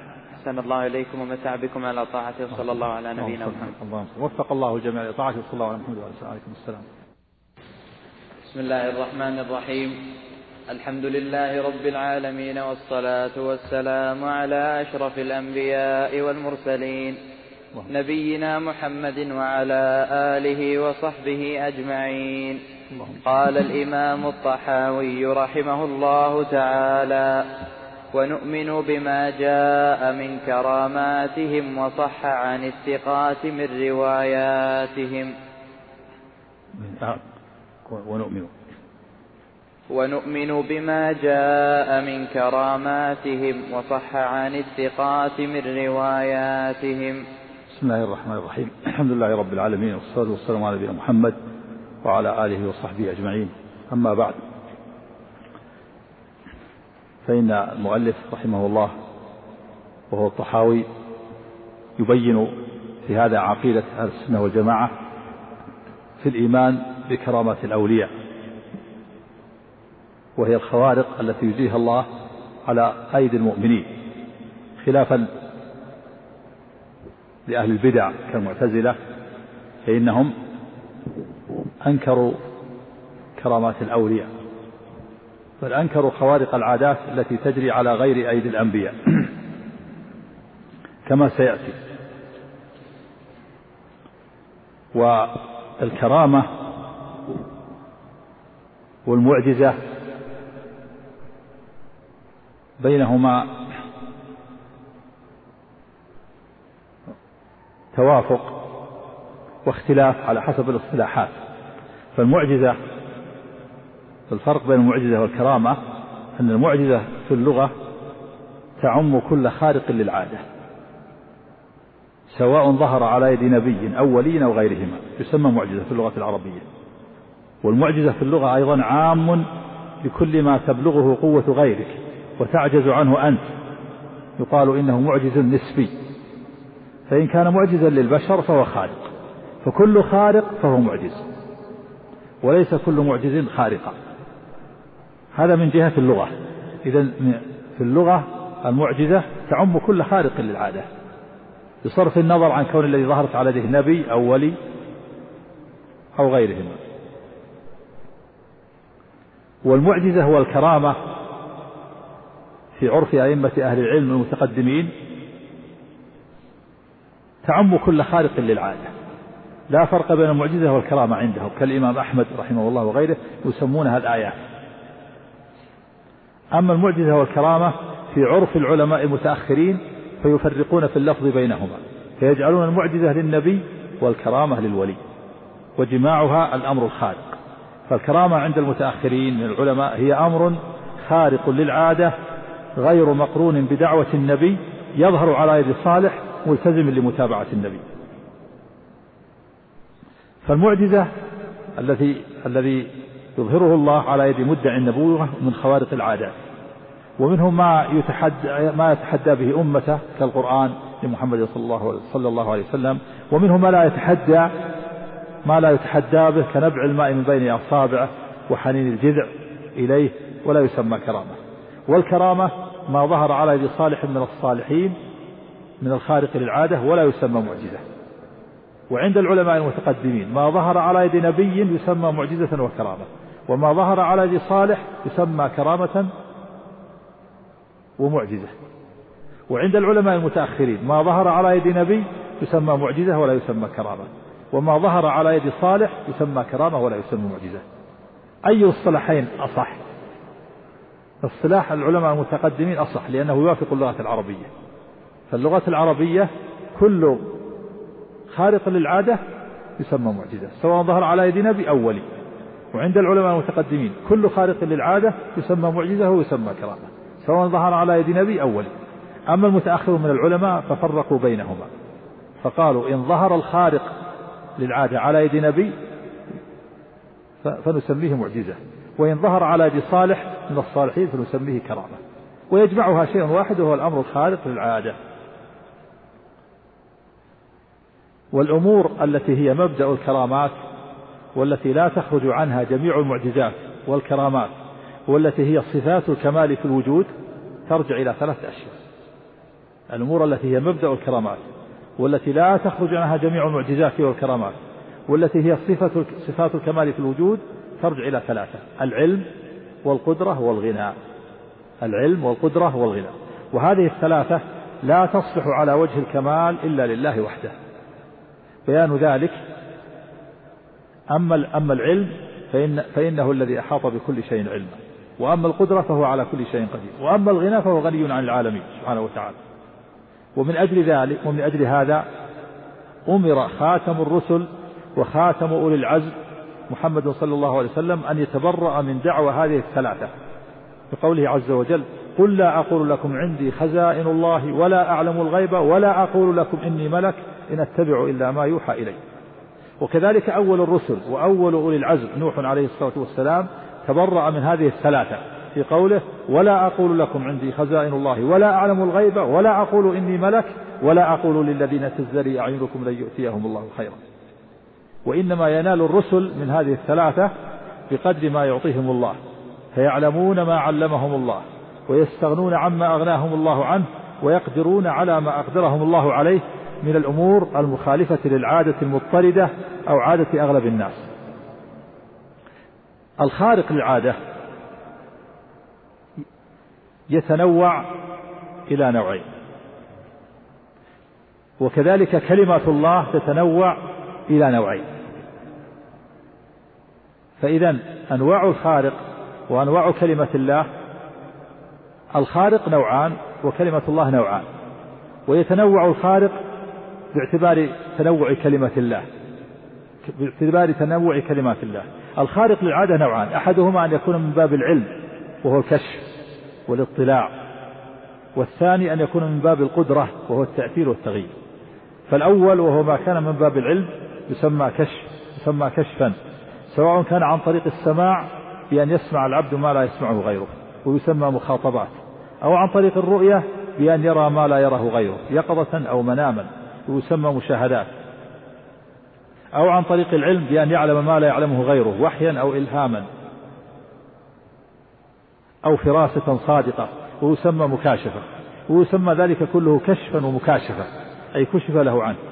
والثاني وهو ما كان من باب القدرة إما على الفعل وهو التأثير وإما على الترك وهو الغنى والتأثير قد يكون همة وصدقا ودعوة مجابة وقد يكون من فعل الله الذي لا تأثير له فيه بحال مثل هلاك عدوه بغير أثر منه ومثل تذليل النفوس له ومحبتها إياه.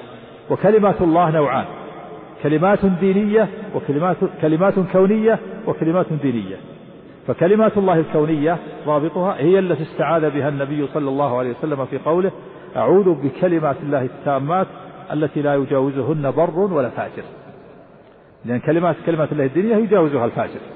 أما كلمة الله الكونية لا يجاوزها بر ولا فاجر. ومن ذلك قول الله سبحانه وتعالى إنما أمره إذا أراد شيئا أن يقول له كن فيكون. هذا كلمة هذا من الكلمات الكونية. كن. من كلمات الله الكونية لا يتخلف. إذا أراد شيئا قال له كن فيكون. وقال تعالى وتمت كلمة ربك صدقا وعدلا. لا مبدل لكلماته. كلمة الله الكون لا تتبدل. والكون كله داخل تحت هذه الكلمات. وسائر الخوارق الكشفية والتأثيرية داخلة تحتها. سائر الخوارق الكشفية والتأثيرية داخلة تحتها. النوع الثاني الكلمات الدينية وهي القرآن وشرع الله الذي بعث به رسوله وهي أمره ونهيه وخبره. وحظ العبد منها العلم بها والعمل والأمر بما أمر الله به. كما أن حظ العبد عموما من الكونيات والشرعيات وخصوصا من الأول العلم بالكونيات والتأثير فيها أي بموجبها. فالأولى قدرية كونية والثانية شرعية دينية. لأن كلمة الله الأولى قدرية كونية والثانية شرعية دينية. والخارق يتنوع إلى نوعين الكشف والتأثير. فإذا الكلمات نوعان كلمة الله قدرية كونية وشرعية. والخارق نوعان كشف وتأثير. ويتنوع الخارق باعتبار تنوع كلمات الله الكونية والدينية إلى أربعة أنواع. النوع الأول كشف كوني الثاني كشف ديني الثالث تأثير كوني الرابع تأثير ديني. فكشف الأولى العلم بالحوادث الكونية. فقد يكشف له أو لغيره من حاله بعض أمور كما قال النبي صلى الله عليه وسلم في المبشرات هي الرؤيا الصالحة يراها الرجل أو ترى له. أو كما قال النبي صلى وكما قال النبي صلى الله عليه وسلم أنتم شهداء الله في الأرض. وكشف الثانية العلم بالمأمورات الشرعية مثل من يعلم بما جاء به الرسول صلى الله عليه وسلم خبرا وأمرا ويعمل به ويأمر به الناس. وقدرة الأولى التأثير في الكونيات وتنقسم إلى تأثير في نفسه وإلى تأثير في غيره. فالأول كمشيه على الماء وطيرانه في الهواء وجلوسه في النار على النار وأكله السم. وهذا لا يدل على الخير بل, رب بل ربما يدل على الشر. إلا إن كان صالحا نجاه الله.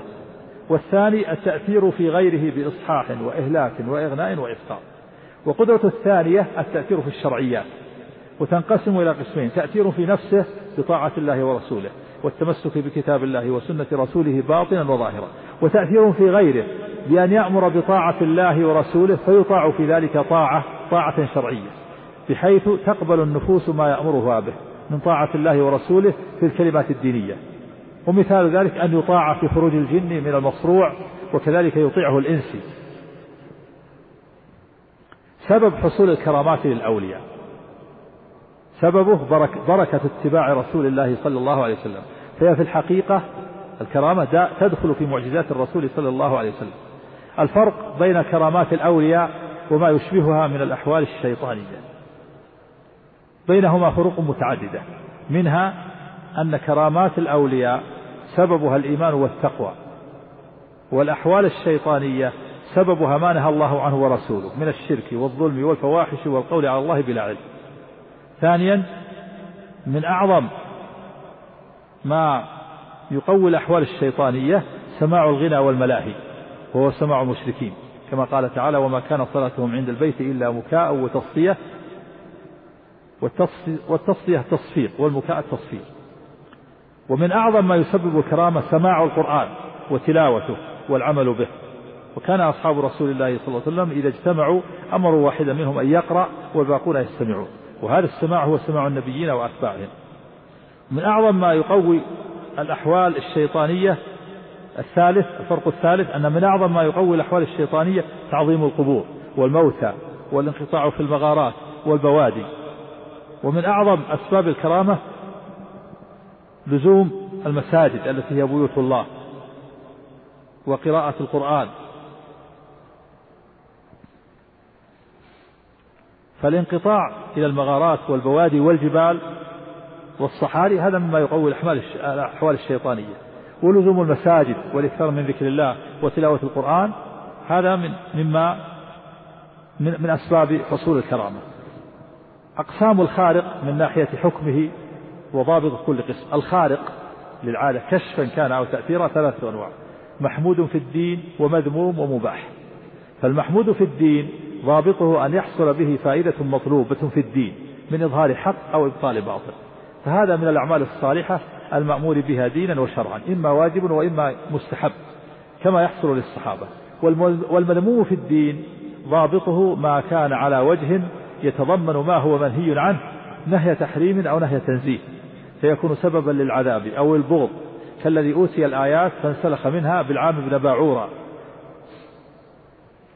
والمباح ضابطه ما حصل به أمر مباح. فإن كان فيه منفعة كان نعمة من نعم الله الدنيوية التي تقتضي شكرا كتضليل الغمة لأسيد بن حضير رضي الله عنه. وإلا فهو كسائر المباحات التي لا منفعة فيها التي لا منفعة فيها. الحكمة في إجراء الكرامة. الحكمة في إجراء الكرامة هي أن يزداد هي أن أن يزداد الإنسان بما يرى من خوارق العادات وآثار القدرة يقينا فيقوى عزمه على الزهد في الدنيا والخروج عن دواعي الهوى.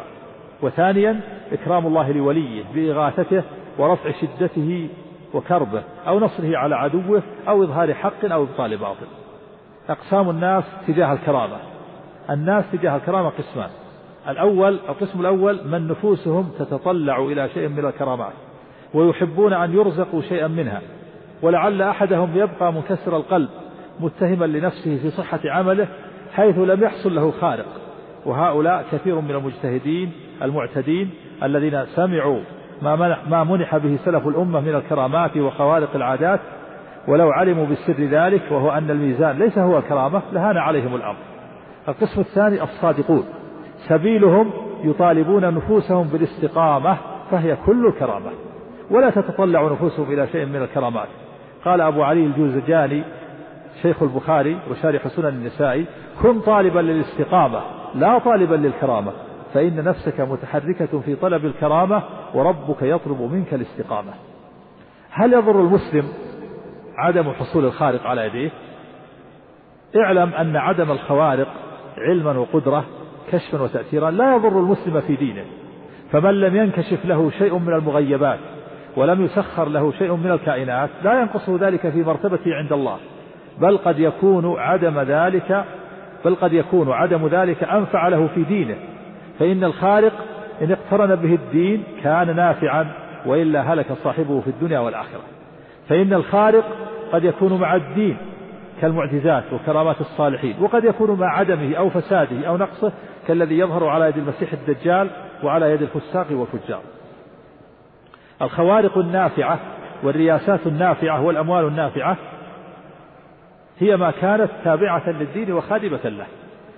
والرياسة النافعة هي النافعة للدين والمال النافع هو النافع للدين. دليل ذلك كما كان السلطان والمال النافع بيد النبي صلى الله عليه وسلم وأبي بكر وعمر وعثمان وعلي. فمن جعل هذه الأمور الخوارق والسلطان والمال هي المقصودة وجعل الدين تابعا لها ووسيلة إليها لا لأجل الدين في الأصل فهو شبيه بمن يأكل الدنيا بالدين وليس حاله كحال من تدين خوف العذاب أو رجاء الجنة فإن ذلك مأمور به وهو على سبيل نجاة. وهو على سبيل نجاة وشريعة صحيحة وكثير من الصوفية ممن يزعم أن همه قد ارتفع عن يكون عن أن يكون خوفا من النار أو طلبا للجنة يجعل همه بدينه أقل من همه بأدنى خارق من خوارق الدنيا. متى يجب خرق العادة وشرط, وشرط ذلك؟ أو شروط استلزام خرق العادة ودليل ذلك؟ يجب خرق العادة بأمرين. أو أو التدين يستلزم خرق العادة بأمرين. أحدهما التدين الصحيح. الثاني وجود شدة وضيق وضرورة. إذا كان الإنسان مستقيم ثم حصل عليه شدة وضيقة لا بد أن يفرج الله كربته. فالدين إذا صح علما وعملا فلا بد أن يوجب خرق العادة إذا احتاج إلى ذلك صاحبه ولو لم يدعو الله بل حالته النفسية كافية ولا يكل ولا يكله الله حينئذ إلى إلى نفسه. دليل ذلك من الكتاب العزيز قول الله تعالى ومن يتق الله يجعل له مخرجا ويرزقه من حيث لا يحتسب. ومن يتق الله هذا التدين الصحيح. يجعل له مخرجا هذا الخارق وقال هذا الخارق من باب التأثير. وقال تعالى إن تتقوا الله يجعل لكم فرقانا. إن تتقوا الله هذا التدين الصحيح. يجعل لكم فرقانا هذا الكشف. خارق وقال تعالى ولو أنهم فعلوا ما يوعظون به لكان خيرا لهم وأشد تثبيتا وإذا لآتيناهم من لدنا أجرا عظيما ولهديناهم صراطا مستقيما. وقال تعالى ألا إن أولياء الله لا خوف عليهم ولا هم يحزنون الذين آمنوا وكانوا يتقون لهم البشرى في الحياة الدنيا وفي الآخرة. ومن السنة حديث اتقوا فراسة المؤمن فإنه ينظر بنور الله. ثم قرأ قوله تعالى إن في ذلك لآيات للمتوسمين. أي الذين يعرفون الشيء بسمته رواه الترمذي بسند ضعيف. وقال تعالى فيما يرويه فيما يرويه. وقال تعالى فيما يروي الرسول صلى الله عليه وسلم عن ربه عز وجل أنه قال من عادى لي وليا فقد بارزني بالمحاربة. ورواية البخاري فقد آذنته بالمحاربة. وما تقرب إلي عبدي بمثل أداء ما افترضت عليه. ولا يزال عبدي يتقرب إلي بالنوافل حتى أحبه. فإذا أحببته كنت سمعه الذي يسمع به وبصره الذي يبصر به. إلى قوله وما ترددت في شيء أنا فاعله. ترددي في قبض نفس عبد المؤمن يكره الموت وأكره مساءته ولا بد لها ولا بد له منه. فظهر أن الاستقامة حظ الرب وطلب الكرامة حظ النفس. هل تدل الخوارق على إكرام من ظهرت على يديه؟ اليسر والكرامة والنعمة والنعم والغنى والضر والشدة والفقر ليست دليلا على الرضا ولا على السخط. فما يبتلي الله به عباده من اليسر بخرق العادة أو بغيرها أو بالضر ليس ذلك لأجل كرامة العبد على ربه ولا هوانه عليه بل قد سعد بها قوم إذا أطاعوا الله وشق بها قوم إذا عصوا الله. دليل ذلك قول الله تعالى فأما الإنسان إذا ما ابتلاه ربه فأكرمه ونعمه فيقول ربي أكرمن وأما إذا ما ابتلاه فقدر عليه رزقه فيقول ربي أهانا كلا. ووجه الاستدلال أن الله زجر من ظن أن الغنى دليل على الكرامة والفقر دليل دليل الإهانة. أقسام الناس بعد حصول الخارق الناس في هذه الأمور ثلاثة أقسام. قسم ترتفع درجتهم بخرق العادة وقسم يتعرضون بها لعذاب الله وقسم تكون في حقهم بمنزلة المباحات. وهذا التقسيم للناس مبني على التقسيم السابق للخارق إلى محمود في الدين ومذموم في الدين ومباح. أعظم كرامة يعطاها الولي. والك... ما هي أعظم كرامة يعطاها الولي؟ والكرامة الحقيقية؟ الكرامة الحقيقية وأعظم كرامة يعطاها الولي هي لزوم الاستقامة. هذه أعظم كرامة. أعظم كرامة يعطاها الولي هي لزوم الاستقامة وهي موافقة الله فيما يحبه ويرضاه وهي طاعته وطاعة رسوله وموالاة أوليائه ومعاداة أعدائه. وهؤلاء هم أولياء الله الذين لا خوف عليهم ولا هم يحزنون. الفرق بين حالتي طلب الاستقامة وطلب الكرامة. هو أن الاستقامة حظ الرب والكرامة حظ النفس. فمن يسعى في طلب الاستقامة فهو يسعى في طلب حظ الرب. ومن يسعى في طلب الكرامة فهو يسعى في طلب حظ النفس. كما قال أبو علي الجوزجاني كن طالبا للاستقامة لا طالبا للكرامة. فإن نفسك متحركة في طلب الكرامة وربك يطلب منك الاستقامة. المنكرون للكرامات لكرامات الأولياء وشبهتهم الرد عليهم. أنكرت المعتزلة كرامات الأولياء وخوارق السحرة والكهان. وكذلك الرافضة. وهي ما يقع من الخوارق على يد صالح وولي. شبهتهم قالوا لو وقعت الكرامة على يد ولي لأشبهت المعجزة. فلو صحت لأشبهت المعجزة فيؤدي إلى التباس النبي بالولي. فلا نعرف النبي من الولي. أجاب الجمهور بالرد عليهم من وجهين. أولا أن إنكاركم للكرامات يناقض المحسوسات والمشاهدات. الثاني منع الملازمة بين اشتباه المعجزة بالكرامة إذا وقعت والتباس النبي بالولي. فلا ملازمة بين وقوع الكرامة وصحتها وبين الاشتباه والالتباس بالمعجزة لأن النبي يدعي النبوة ويتحدى والولي والولي لا يدعي الرسالة ولا يتحدى. فهذه الدعوة إنما تصح إذا كان الولي يأتي بالخارق ويدعي النبوة ويتحدى بهذا الخالق وهذا لا يقع. إذ لو ادعى النبوة لم يكن وليا بل كان متنبئا كذابا. أمثلة لكرامات متنوعة في سلف هذه الأمة وفي الأمم السابقة. مما وقع لصدر مما وقع لصدر هذه الأمة ما كان لأسيد بن حضير. كان يقرأ سورة الكهف فنزل من السماء مثل الظلة فيها أمثال السرج وهي الملائكة نزلت لقراءته ومن ذلك من أمثلة قصة الصديق في الصحيحين. لما ذهب بثلاثة أضياف معه معه إلى بيته وجعل لا يأكل لقمة إلا ربى من أسفلها أكثر منها. فشبعوا وصارت أكثر مما هي قبل ذلك. فرفعها إلى رسول الله صلى الله عليه وسلم وجاء إليه أقوام آخرون فأكلوا منها وشبعوا. ومن ذلك ما حصل لخبيب بن عدي. كان أسيرا عند المشركين بمكة وكان يؤتى بعنب يأكله وليس بمكة عنبة. وعامر بن فهيرة قتل شهيدا فالتمسوا جسده فلم يقدروا عليه. وكان لما قتل رفع فرآه عامر بن الطفيل وقد رفع. وسفينة مولى رسول الله صلى الله عليه وسلم أخبر الأسد بأنه رسول رسول الله فمشى معه الأسد حتى أوصله إلى مقصده. وخالد بن الوليد حاصر حصنا منيعا في القسطنطينية فقالوا لا نسلم حتى تشرب السم. فشربه فلم يضره. وسعد بن أبي وقاص كان مستجاب الدعوة ما دعا قط إلا استجيب له وهو الذي هزم جنود كسرى وفتح وفتح العراق. ومن ومن أمثلة ذلك عمر بن الخطاب رضي الله عنه لما أرسل جيشا أمر عليهم رجلا يسمى سارية. ما تبقى من مادة هذا الشريط تتابعونها في الشريط التالي.